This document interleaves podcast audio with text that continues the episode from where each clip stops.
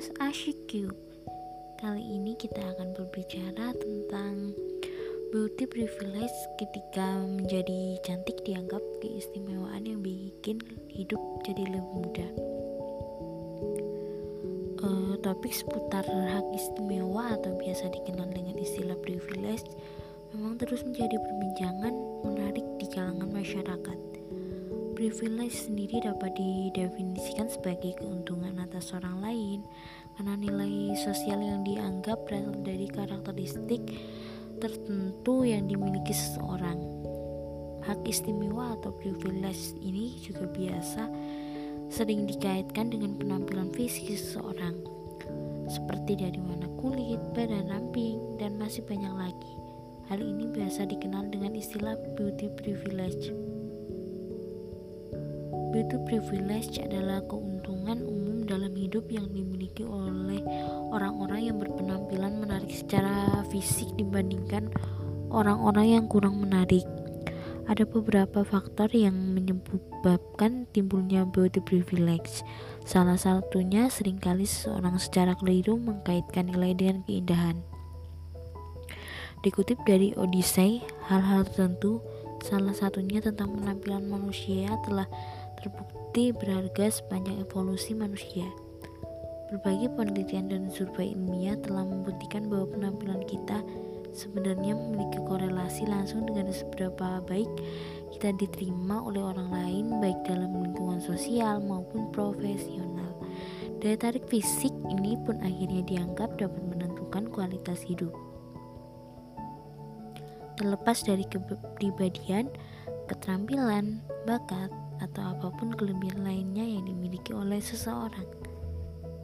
Bias ini juga dikenal sebagai lokisme yang didefinisikan sebagai prasangka atau diskriminasi atas dasar penampilan seseorang dan terjadi dalam banyak hal terutama saat kencan, lingkungan sosial, tempat kerja ketika menyangkut orang-orang dengan beauty privilege mereka umumnya diperlakukan dengan cara yang lebih baik daripada orang lain karena ketampanan atau kecantikan mereka. Dikutip dari media My Imperfect Life, secara ekonomi telah ditunjukkan bahwa orang-orang yang cantik atau tampan tidak lebih produktif atau kreatif daripada seseorang yang berpenampilan biasa saja. Tapi mereka memiliki banyak kepercayaan pada keterampilan mereka sendiri. Beauty privilege bisa menjadi sangat berperan, bahkan ketika berbicara soal peraturan, Hal ini menjadi salah satu topik yang disoroti dan diselidiki di serial Netflix 100 Humans. Acara ini mengumpulkan 100 orang yang berbeda untuk berpartisipasi mungkin dan dalam eksperimen interaktif yang dirancang untuk menjawab pertanyaan tentang usia, jenis kelamin, kebahagiaan, dan aspek lain dari menjadi manusia dan mengeksplorasi apakah para seseorang dapat membuat seseorang keluar dari penjara. Setelah melakukan survei penelitian ekstensif, mereka menyimpulkan bahwa jawabannya adalah ya, yang telah terbukti bahwa jika seseorang yang menarik melakukan kejahatan, mereka cenderung tidak bersalah dan mereka juga mendapatkan hukuman yang mungkin lebih ringan. Lalu bentuk beauty privilege dalam kehidupan sehari-hari itu apa aja sih? Cantik atau tampan mungkin sebenarnya relatif dan tergantung pada selera setiap orang. Namun dalam konteks beauty privilege ada sebuah standar kecantikan yang begitu mengakar di sebagian masyarakat. Sebagian besar mungkin didasarkan pada standar kecantikan orang Eropa yaitu putih, tinggi, kurus dan baru-baru ini yaitu seberapa mendekati seseorang dengan Instagram face.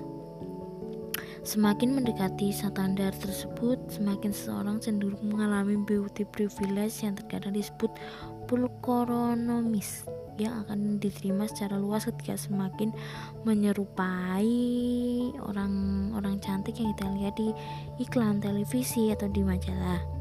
Ide ini semakin menjadi fokus baru dikarenakan meningkatnya popularitas filter TikTok seperti filter beauty scanner dan attractiveness filter. efek media sosial mungkin meskipun jelas tapi tidak lebih dari sebuah permainan tanpa dasar fakta namun telah menunjukkan betapa bersemangatnya keinginan orang untuk dianggap menarik secara konvensional mungkin semakin kita melihat keragaman di layar TV, media sosial, dan katalog semakin kita tumbuh untuk memahami dan menerima bahwa tidak ada yang sempurna dan bahwa orang dapat mengekspresikan kecantikan dengan berbagai cara.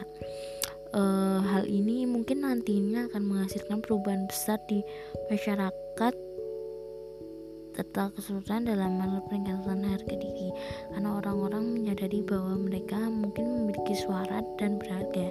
Terlepas dari penampilan mereka hal ini juga akan membuka peluang bagi banyak orang karena mereka tidak lagi dibayangi oleh standar kecantikan. Semangat! Menjadi cantik versi diri sendiri ya teman-teman